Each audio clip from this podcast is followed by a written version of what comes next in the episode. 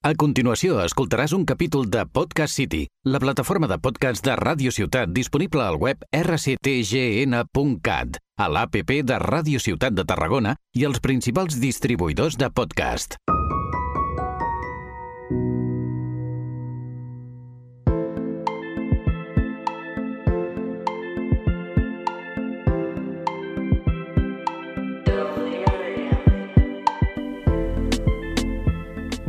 Hola a tots i a totes i benvinguts de nou al podcast Delirium. Jo sóc el Magí i m'acompanyen... El Robert. El Marc, I el Robert? Avui portem com a convidat especial el Robert Tatall. Eh, Robert, benvingut a Delirium.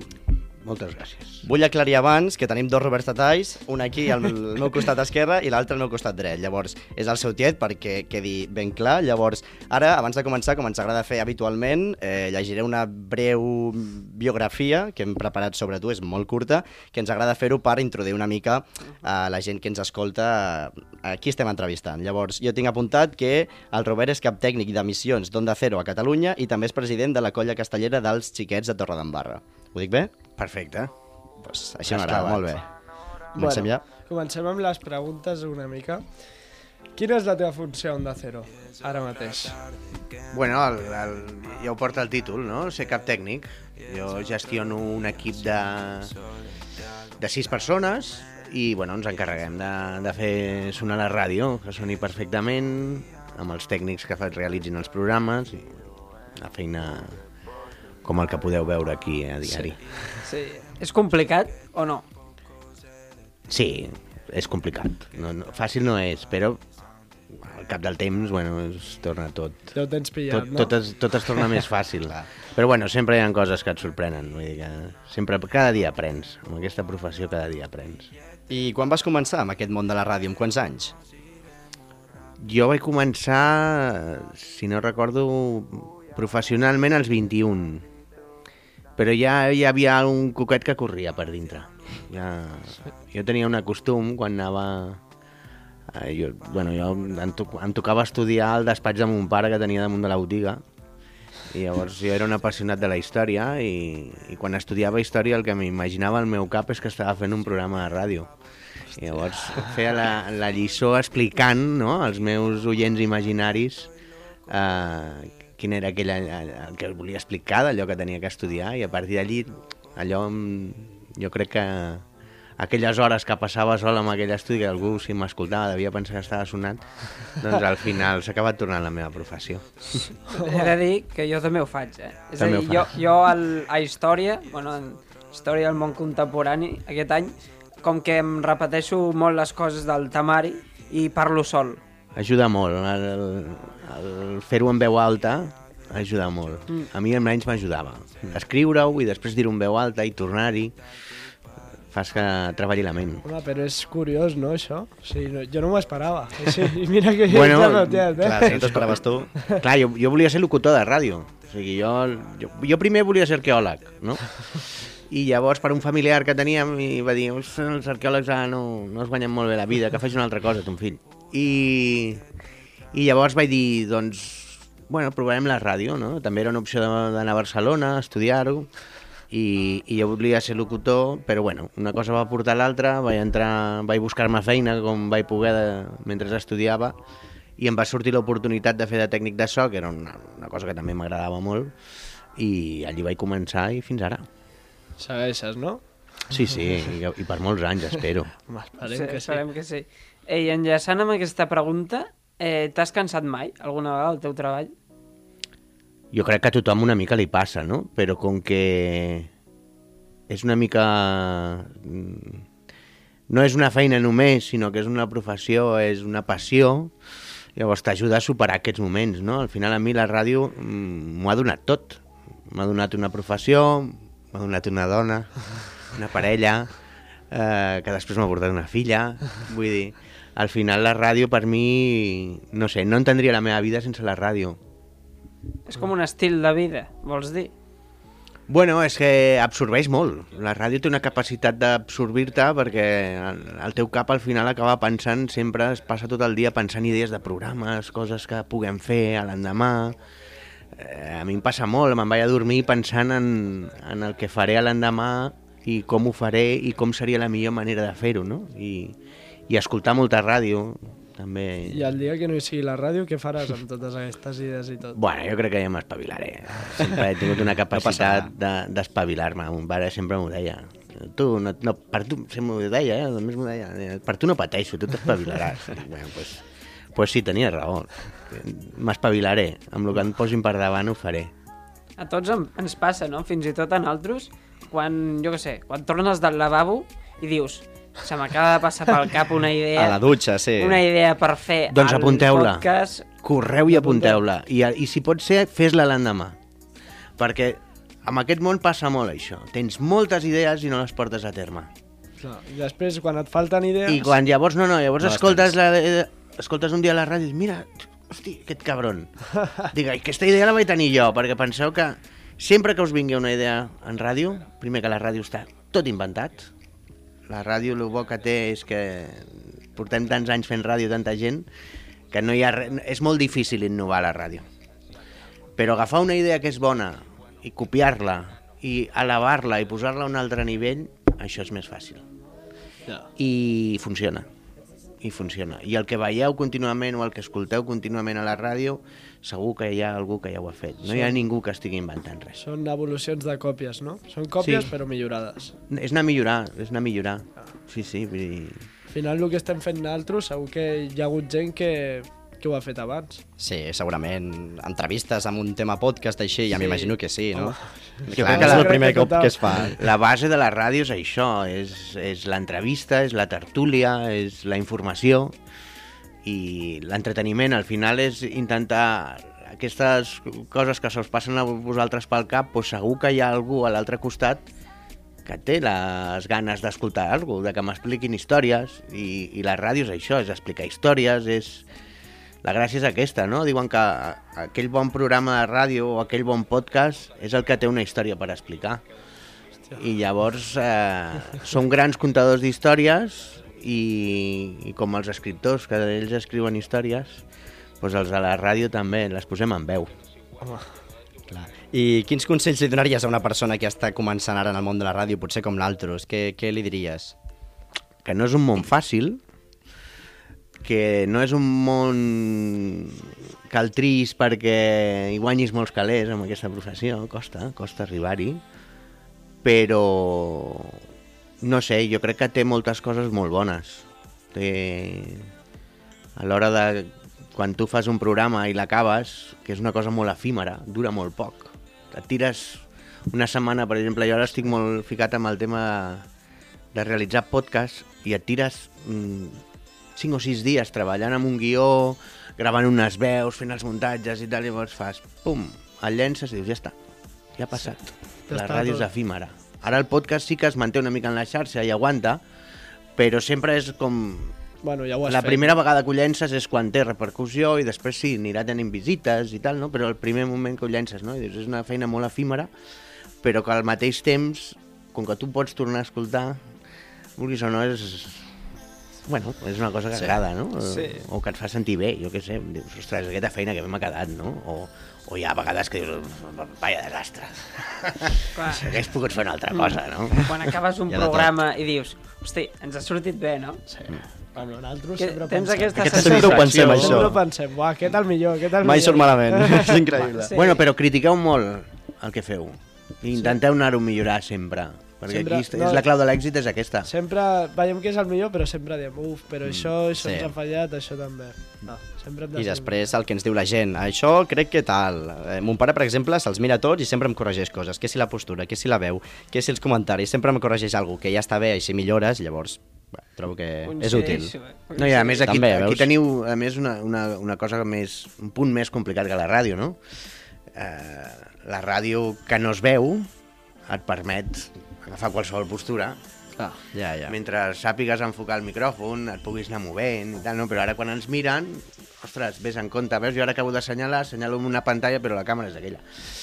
I això té una, una mica de complicitat, complexitat i, i bueno, jugar-hi, no? I saber... Ràdio i vídeo, eh? Sí. sí. Però perquè jo estic segur que el Tatai, ara mateix, si no hi hagués càmeres, estaria així. Quin dels dos, Tatai?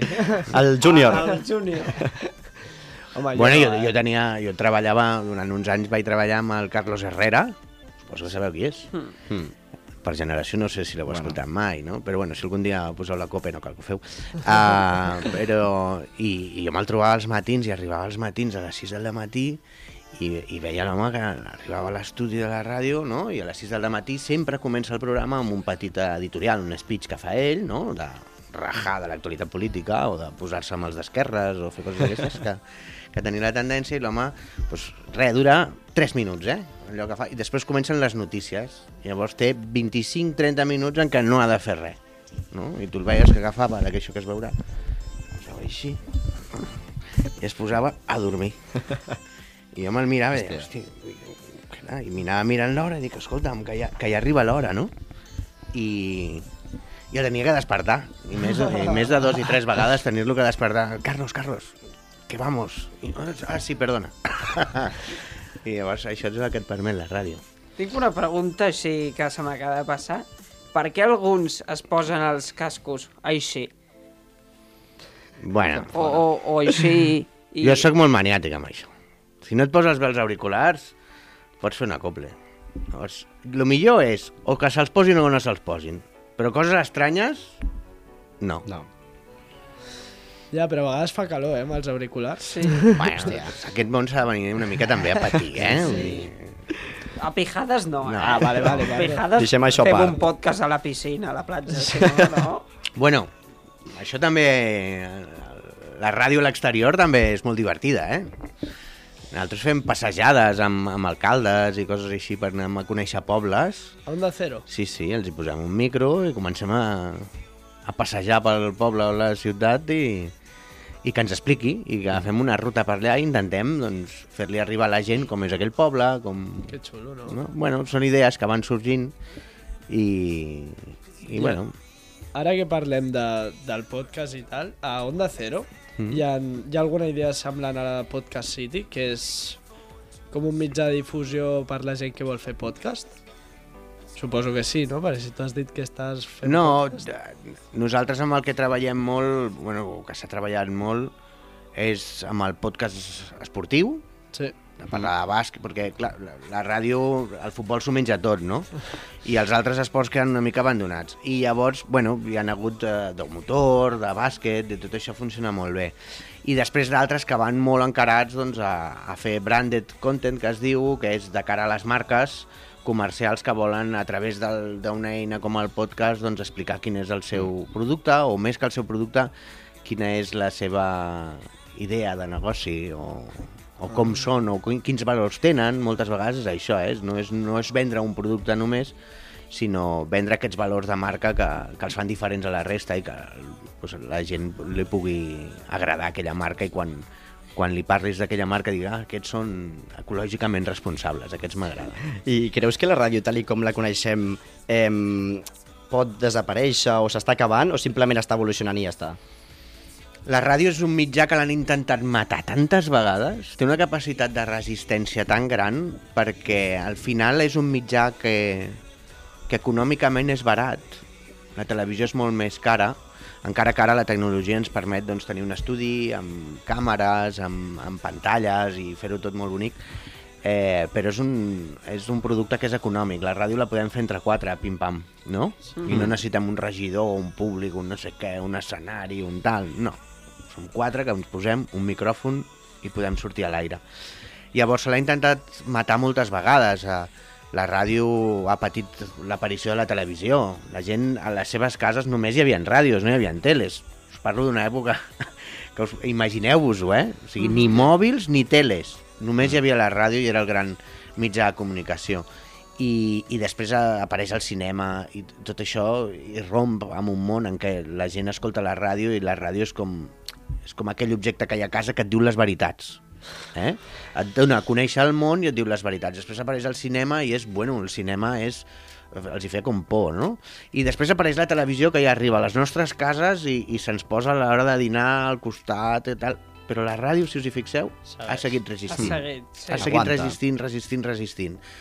Deien que el podcast mataria la ràdio, no? Que, que l'internet mataria la ràdio. Bueno, potser canviarà la forma de difondre-la, però la ràdio seguirà resistint.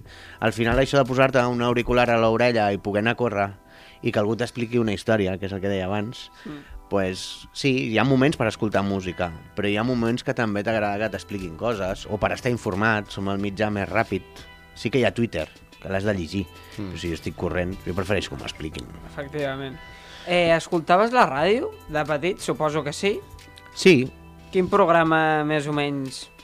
Ostres, jo me'n recordo de la Cova del Llop, que era un programa, que no sé on es feia, eh? no me'n recordo on es feia, que es feia a les nits, era de música, i aquell m'agradava molt. I després jo em vaig tornar molt fan també de La Rosa de los Vientos, que era un programa que es feia Onda Cero, quan jo no sabria que acabaria Onda Cero, que hi havia un home que es deia Juan Antonio Cebrián, i que feia uns espais de ràdio que són magnífics. Eh, ell tenia... Bueno, ell era una persona que era, era sec, llavors ell els guions no se'ls escrivia, tirava de ment, i llavors tenia una cosa que es deien los passajes de la història, i era super apassionant perquè eren passatges de la història 20 o 25 minuts que ell tirava de memòria i te'ls explicava i te'ls feia viure Hòstia. i hi havia un muntatge que es feia en directe, amb sons, amb recreacions i si podeu intenteu-lo recuperar. Per iVox, encara es troba. Només perquè veieu que hi ha una ràdio artesanal que es fa molt bé i que, i que i jo me'n recordo molt, molt, molt d'aquells programes, m'agradava molt. I després la, la ràdio esportiva que jo crec que, que és el que cada nit eh, t'agrada escoltar. I que jo crec que en aquest país, tant en Catalunya Ràdio amb el Puyal o, o RAC1 amb el Basté i amb el Joan Maria Pou doncs han, han donat, han, ens han ensenyat molt a com, a com fer unes narracions esportives de molta qualitat. Eh? No a tot arreu es fan les transmissions esportives amb la qualitat que es fan a Catalunya. Ara deixant una mica de banda el tema de la ràdio, també sabem que ets el president de la colla castellera Els Xiquets de Torredembarra, que va ser fundada l'any 2017. Tot i que soni fantasiós, tu veus possible eh, la temporada vinent fer un castell de set? Possible no hi ha res impossible, i menys al món dels castells. Uh, L'únic que falten moltes coses. Eh, jo crec que falta créixer socialment, ser més castellers, que la gent s'animi. Us animo, eh? Si voleu Sí. venir a provar un dia a castells, esteu convidats, eh? Ja que m'heu portat aquí, un dia heu de venir. Al revés, no? Eh? Ah, Després ho firmem, eh? La tornada. Fantasiós, eh, diu. Ida i vuelta. Eh, Fantasiós. Sí, jo crec que sí, no, no, no hi veig... Si depèn de com vagi la temporada i comenci, per què no? O sigui, eh, jo crec que fa, fa uns anys eh, les colles quan començaven, i sobretot aquí a la zona tradicional, les colles ja volien fer castells de set a l'endemà de, de néixer. Home, I és que... les colles d'aquí a Tarragona a la primera festa major ja tiraven castells de set, vull dir que no, no està tan difícil. Nosaltres hem decidit prendre's un calma, treballar-ho poquet a poquet, perquè som una ciutat petita Home, i, clar. i costa fer, fer colla, però ens ho prenem poquet a poquet. I que a més 5 anys, tot i que sembli molt, és molt poc, perquè a més també s'ha trobat entremig la Covid i tot, i ha sigut... per- És complicat. Clar. Ara mateix ja no tant, però si mirem un any enrere era molt complicat fer castells bé, fer un assaig en condicions. Pensa que nosaltres la primera temporada normal ha sigut aquesta. Les anteriors, mm, unes perquè eren molt nous i ens costava molt doncs, tenir ajuda de, de, de l'Ajuntament per poder tirar endavant, de tots els merders aquests de la coordinadora, falta de gent, també està clar. I després, aquell any que tenia que ser el primer any amb camisa i teníem que sortir, que nosaltres, a més, van començar, uh, si no recordo malament, el 8 de març i al cap de 5 dies ens tancaven a tots a casa. Hòstia. Sí, sí, sí. I llavors aquella temporada amb un calendari tancat, amb un calendari de més ambiciós, vull dir estava tot per fer, eh, doncs es va, es va tancar allà i va, va passar tota aquesta pandèmia i jo crec que com els hi ha passat a moltes colles mmm, ningú s'esperava que, que poguéssim sortir endavant i ens n'hem sortit i ara hi ha més de 100 castellers a la colla i això anima i, i bé, ha sigut un, una bona trompada trobar-nos amb la Covid per tot però bé, jo crec que l'hem superat i ara ja doncs sí, el que dius tu, a somiar i que no ens parin. què creus que us diferencia de les altres colles?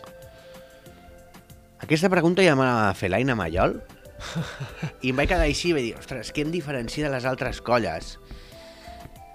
No sé, m'agradaria que la meva colla fos diferent en un sentit de que mm, la colla sigui de tots, no? Uh, la meva experiència curta en el món dels castells Uh, he vist que moltes vegades eh, les baralles internes, tot això, al final acabava sent perquè les, les colles es, es tornaven com de les famílies o, o, o, o de grups d'amics que condicionaven tot el- tot l'entorn, no? I al final el que ha de lluitar una colla és perquè sigui tot, no? A vegades diuen, ets una mica boig perquè tu ets molt assemblearista, t'agrada molt el tema de les assemblees, de que tothom participi, que tothom participi, i això després gestionar-ho és molt complicat. Dic, però aquí està el repte. Aquest és el repte que tenim per davant. Jo crec que, que amb tot el que fem a la vida, eh, si vosaltres aquí, en un programa que som ara quatre, no estiguessin tots d'acord en que ens ho volem passar bé i ens ho volem divertir, me n'anem. Ja, si sí. tu volguessis eh, agafar més protagonisme aquell davant del micròfon, doncs possiblement tindreu un problema. Pues això amb les colles, imagina't amb 100 persones i amb controlar els egos dels franquetis, eh, els desànims dels de les pinyes, eh, bueno, costa. Però, a més, també crec que la nostra colla intenta tenir molt clar que hi ha els valors castellers, però més enllà també hi ha altres valors que defensem, com és el feminisme, com és la inclusivitat, i que han de ser valors que aquesta colla ha de tenir sempre molt presents. I nosaltres ho fem cada any i tenim diades expressament triades perquè siguin diades que vinguin a reivindicar alguna cosa més. I fem un treball social, crec que molt important al nostre poble, i fem la Diada de Dones amunt perquè creiem que el paper de la dona en el món dels castells és importantíssim, però també en la nostra societat. I ho estem veient, no? Jo, aquests dies ho, ho hem vist amb, amb tot el 25N i tot el que aquests dies està donant a parlar, tot el tema de los senyoros que diuen, i, i bé, no, jo crec que la colla fa, fa una bona feina en aquest sentit i també amb el tema de la inclusió. Aquest diumenge, per exemple, bueno, no sé quan sortirà aquest podcast, ara m'estic fotent en un jardí. Clar, bueno, no? Doncs- D'aquí potser dos diumengos, més o Sí, menys. ja haurà passat. Què ja vols haurà dir? Què vols dir? passat. Sí, Bé, sí, sí. doncs, el... El diumenge passat vaig estar, uh, perquè ens entenguin, bueno, quan surti, uh, això és, aquest di diumenge és... Dia 4. Dia 4. El dia 4 de desembre, oblideu l'altre, eh? Tècnica, dit-m'ho això després, si vols. No. El dia 4 estarem, hem estat a la Pobla, o estarem, o no sé com dir-ho, a, a la Pobla de Montornès amb el Disca Pobla, que és una jornada, que és la primera jornada, la celebren aquest any, sobre la discapacitat, i anirem a plaça a compartir plaça amb una colla que ens fa molta il·lusió, que és els Castellers de la Il·lusió. És una colla inclusiva de Valls, és la tercera colla de Valls, jo crec que el món casteller sí que és coneguda, però més enllà costa molt conèixer-la. Mm -hmm. És una colla que es troba amb una sèrie de dificultats, que és que, per exemple, la coordinadora no la deixa estar dintre de la coordinadora de colles castellers de Catalunya perquè no fa castells de sis, però crec que quan la coordinadora parla de valors, això ho tindria que tenir en compte. I aquesta colla s'ha d'ajudar. I aquesta colla ha de tenir un reconeixement i bé, aquesta és una de les coses que fa la nostra colla. Anar a la Pobla de Montornès, ajudar amb aquesta gent de la Pobla de Protecció Civil que són molt macos amb nosaltres i ajudar-los amb aquesta diada i, com no, ajudar. Nosaltres anem a fer pilars, però el nostre objectiu és anar a ajudar Castellers de la Il·lusió a que puguin fer les seves construccions amb la màxima seguretat. És a dir, sempre hi ha alguna més darrere de, de fer castells, només, no? Sí, jo, jo, jo crec que és un posat davant de la vida, no? O sigui, a mi, per exemple, si jo fes un programa a ràdio, jo buscaria que tingués un punt més. I que tingués que el que jo faci serveixi per més enllà de fer un simple programa de ràdio o fer anar a una plaça a fer castells. Si jo puc bellugar 100 persones per fer castells, el dia que les pugui bellugar per fer una cosa solidària, doncs comptaré amb 100 persones. Clar. Llavors, per exemple, a la colla tenim el mocador Dones Amunt, que va ajudar doncs, a poder eh, donar una quantitat econòmica a una associació que, eh, que lluita contra les violències de gènere. Llavors, ostres, doncs aquestes coses són les que de veritablement val la pena, no?, fer-ho. Fer castells ho podem anar a fer a qualsevol lloc. Però bueno, si pot haver, si podem ajudar a que, i sé que hi ha moltes altres, no som únics, eh? sé que amb altres altres colles amb això hi treballen. Llavors, ostres, hem d'aprofitar-ho. Les colles belluguen molts, molts, molts, molts diners i haurien d'invertir més en, en ajudar a la societat que l'envolta, a crear aquesta xarxa d'ajuda que acaba sent una colla castellera i, i això cada vegada ho veiem. Potser no tant a la zona tradicional, però fora estan agafant aquest, aquest nivell de compromís amb la societat. Bueno, ara que enllacem una mica això del, dels valors i, i, i tal, tu creus que s'haurien de professionalitzar els castells? No. O que ja estan bé com estan? O inclús El- tirar enrere. Els castells és, és un híbrid entre cultura i esport, Clar. però no ho professionalitzem, si plau. Sí que veiem que ja s'ha professionalitzat, tu vas al local d'assaig dels Verds i mires allò i dius, ostres, això és, vamos, és, és un castellòdrom, eh? eh Te'n vas a la Vella de Valls i, ostres, aquell pavelló és impressionant. Oi, xapó, eh? Superbé. Són uns mestres, minyons, tot això. Però jo crec que, i sobretot aquestes colles petites, no? hem de seguir existint perquè ens tinguin, ten- tinguem molt clar i molt present que això és cultura. És cultura del nostre país, que ha sigut una eina inclusiva molt potent de la gent que arribava d'immigració, que arribava al nostre país i, i les colles castelleres els hi servien doncs, per, per conèixer la societat en la que anaven a viure i per involucrar-se dintre i tal. I jo crec que és... Vamos, no hem de deixar mai que, que això passi a ser un esport ni, i jo crec que la coordinadora està en ello de que no hi hagi aquesta professionalització. Jo, jo ho he sentit molt, que, el, que els castells també ajuden molt a socialitzar, a fer com colla també. Sí, A, a conèixer molta gent, coneixes molta clar, al, gent. final, al final els castells tenen una cosa, que et trenca una barrera psicològica superimportant, que és que ens apretem els uns als altres. T'anava a preguntar per què i ara ja... Ens toquem els culs. Sí. Uh, ens agafem de tot arreu. Les abraçades, els petons, l'alegria, el compartir. Ostres, i que no hi ha res aquí. Que això és una cosa que també hem d'ensenyar a la nostra canalla, aquesta pèrdua de vergonya, aquest, aquest saber que, doncs, que el cos és el cos i, i punto. I, i, ostres, ajuda molt. I, i m'havies dit de, que socialitza, no? Sí. Uh, sí, clar, o sigui, gent que arriba a la nostra colla, que venen d'altres països i que acaben d'arribar aquí, a la nostra colla els hi està servint per entrar en contacte amb la societat amb la que viuen. I l'altre dia teníem un clar exemple amb això del català, que, que tenia un home que és de Vilanova, que ve a la colla, eh, molt engrescat ell, i parlava amb un noi que és de Colòmbia, que està a la colla, acabat d'arribar, i li deia, jo a partir d'ara et parlaré en català. I l'altre es quedava així. I, I jo vaig estar allà i vaig dir, bueno, vaig a veure, soc el president, vaig a veure com reacciona l'altre, i a veure si tindrem aquí un problema, no? I res, res, em vaig acostar i l'altre li va dir, sí, sí, a partir d'ara háblame en català. I jo vaig arribar i li vaig posar, em vaig començar a parlar en castellà.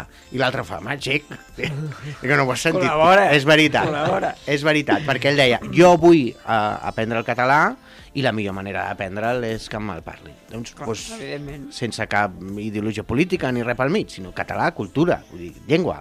Pues això és el que és un exemple del que, del que serveix. I en aquests 5 anys has tingut alguna lesió això greu fent castells o no?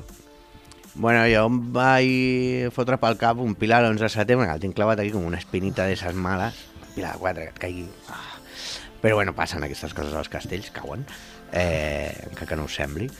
I, i res, vaig tenir una lesió a les cervicals i a la part baixa de l'esquena i em vaig estar dos mesos i alguna amb rehabilitació i tot això. Va, me van dir, home, hauries d'evitar fer castells. Bueno, ja veieu el cas que Sí. no vas acceptar, no? no.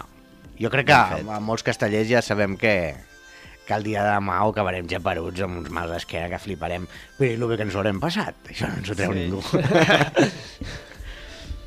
Doncs eh, et voldria preguntar, eh, per una persona que no ha estat mai eh, fent castells, com funciona això dels assaigs? De, de, això d'assajar amb una colla castellera.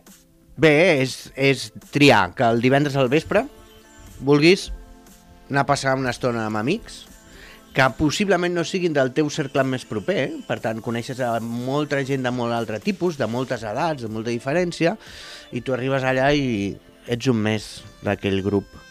I llavors tu entres allà i hi haurà una persona que et farà una radiografia, et mirarà de dalt a baix, et prendrà mides i dirà, hòstia, aquest serveix... però bé, Nosaltres ja ens anem transformant així pel carrer. Uh, els que estem a les juntes directives ja mirem a la gent, hosti, tens bona planta tu per fer castells, eh? Series un bon agulla, o tu series una bona dona al darrere, o tu m'aniries bé per pujar. I llavors ja et buscaran el lloc, t'ensenyaran, aprendràs, eh, depèn del valent que siguis i de com ho facis, doncs millor tiraràs amunt o et quedaràs a baix a galeres, que és on estic jo, eh, i que també és molt divertit. I, i una mica és això, el que és anar amb un assaig d'una colla castellera. Després hi ha la part més tècnica, fer pinyes i troncs sí. i el que fas, que són proves, i amb un assaig veus proves, però també hi ha primer com una part més física, per dir d'alguna manera, que, que acompanya l'assaig de la canalla dels més petits, doncs on aprens a pujar, aprens a posicionar les mans... Bueno, M'imagino que creus que hi ha molta gent no? que podria fer castells i a vegades mm, els deus voler convèncer, no? De, I tu per què no fas castells? És això el que deies. A vegades amics nostres, ara tenim amics castellers, però de fa Mm. poc, o sigui, és bastant recent, s'ha posat de moda aquests últims anys, jo crec, sí. i Bueno, ens volen convèncer mesos. Que si els assajos, que si el sopar, que si la gent que coneixen. De moment, per exemple, el Marc i jo no hem caigut, no hem caigut no a la trampa, eh, sinó no hem caigut, no ens ha donat l'ocasió, Oh, no... però potser falta poc, eh, també et dic. No sé, bueno, jo no ho veig. algun dia d'aquests podeu venir xiquets, acompanyeu el Robert. Ja li direm a ell, si volem, ja contactarem amb ell. Sí. Eh? Sabe que no ho he intentat jo. Sí, ho ha intentat tot. El, el detall està ja desquiciat amb naltros. Som... Lo del podcast te va sortir És bé, la- perquè aquí estem, eh? Sí. És l'única que t'ha sortit bé. sortit bé. Sí. Les altres coses, res, eh? Ens ha proposat diverses coses i, i res. Bueno, un dia podem, fer, podem vincular les dues coses, eh, si voleu. Un dia podem fer un podcast de castells, que Sí. això... N'hi ha pocs, i és un terreny que no està molt tocat i sempre hi penso de, de fer no, no només la informació castellera, sinó poder fer un podcast on parlem de castells, d'això, de què és l'assaig, de què animem a la gent a sortir, al carrer, a, a sortir al carrer i anar a fer castells. I això. Això no anima l'esportivitat? No fa que, que es faci més esportiu també? Perquè tots els esports tenen podcasts relacionats amb ells i fan com... Clar, això anima tot el que, que puguem fer de difusió i amb això jo crec que les diades castelleres que s'han fet per la tele han ajudat molt a ajudar al món casteller, està clar. Mm. Home, eh, teníem preparat un què prefieres, no sé si Bueno, dona temps. Fem dos preguntes del que prefieres Va, va, i ja acabem, vale? Clar que m'he Sí. enrotllat molt. Teniu de... O menys, si voleu, eh? Fem-ne dos o tres i ja està. Comenceu Va. altres, va. Va, vale, va, doncs començo jo. Tio. Saps com funciona el que prefieres? No. T'adonem dues opcions i tu has d'escollir quina prefereixes. Ens Vale. dius. Pues prefereixo aquesta o prefereixo l'altra. I l'expliques així breument per què creus que una o l'altra. Vale. De no enrotllar-me, eh? Ja heu vist que m'enrotllo com una persiana. Sí. Què prefereixes? No, és, de, és de catalans, vale? Mm. No tornar a menjar pa amb tomàquet o no tornar a menjar lioli? Doncs Complicada, eh? jo crec que no tornar a menjar... O sigui, què, no, què preferiria no... Hòstia, unes puntes... Anava a dir un taco. Ah, l'alioli, va. L'alioli. Em sap greu, eh, l'alioli, però... Vale. Ostres, Elimines l'alioli, el no? pa amb. Sagrat, no? Sí, sagrat. Sagrat. Sí. És que un entrepà sense tomàca és com... Doncs Sí, sí, sí. la següent és veure toros durant 3 hores o sardanes durant 5 hores. Sardanes, sense cap dubte. Ara, si són toros ah, allò, al camp i tan tranquils, sí. No, Ara, no, saps? una corrida de Ah. toros. Una corrida de toros... Jo, 15 hores de sardanes. Ni 10 minuts. El que sigui, no? Ni 10 minuts. Eh, la meva és deixar els castells per sempre, deixar de fer-los, deixar d'organitzar-ho, deixar de veure'ls eh, o guanyar 300.000 euros. Tipo, ah, o sigui, el que porta això, no? Deixes d'estar vinculat al món dels castells i te donen 300.000 euros. Acceptes? Bueno, li pregunto a la dona i em diu que sí. Vale, doncs Ai, sí, fa sí, sí, sí, digues que sí. Coge el dinero i corre. No els tenim, eh? És fictici, no els tenim aquí, llavors eh, t'ho has d'imaginar, no? No, pues coge el dinero i corre. No, no. Fa pena, Va, eh? dona'm en Ojo al 600.000 i m'ho penso. S'ho ha pensat, eh? El número... Oh, Dona'm el doble i m'ho penso. S'ho ha pensat molt. Fes la última, Robert Júnior, i... Vale, la faig. Eh, el Mundial d'Espanya d'aquest any o el Castell de set de la temporada vinent? El Mundi, el, cast, el, Ui, ui. el castell. el que s'ha colat, eh? Aquí t'han pillat, eh? Aquí t'han pillat, eh? No, no, no tinc cap dubte, eh, de veritat. Sí la que s'havia Roja, colat, sí. no diré... No, Vale, i la última, última, última. els castells. Vinga, va. Els, la Vella de Valls o els castells de Vilafranca? Els xiquets de Torredembarra. Vinga, Soc, vamos. Vale. ben fet. Bueno, doncs, eh, fins aquí. Espero que, que us hagi entretenit aquest, eh, aquest programa. I quina hora és, Magí?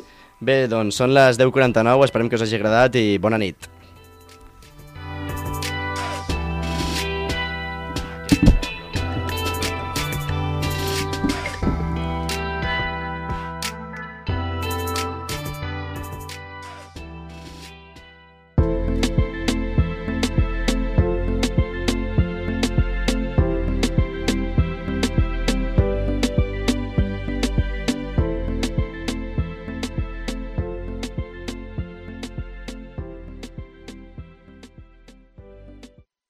Has escoltat un capítol de Podcast City, la plataforma de podcast de Ràdio Ciutat disponible al web rctgn.cat, a l'APP de Ràdio Ciutat de Tarragona i els principals distribuïdors de podcast.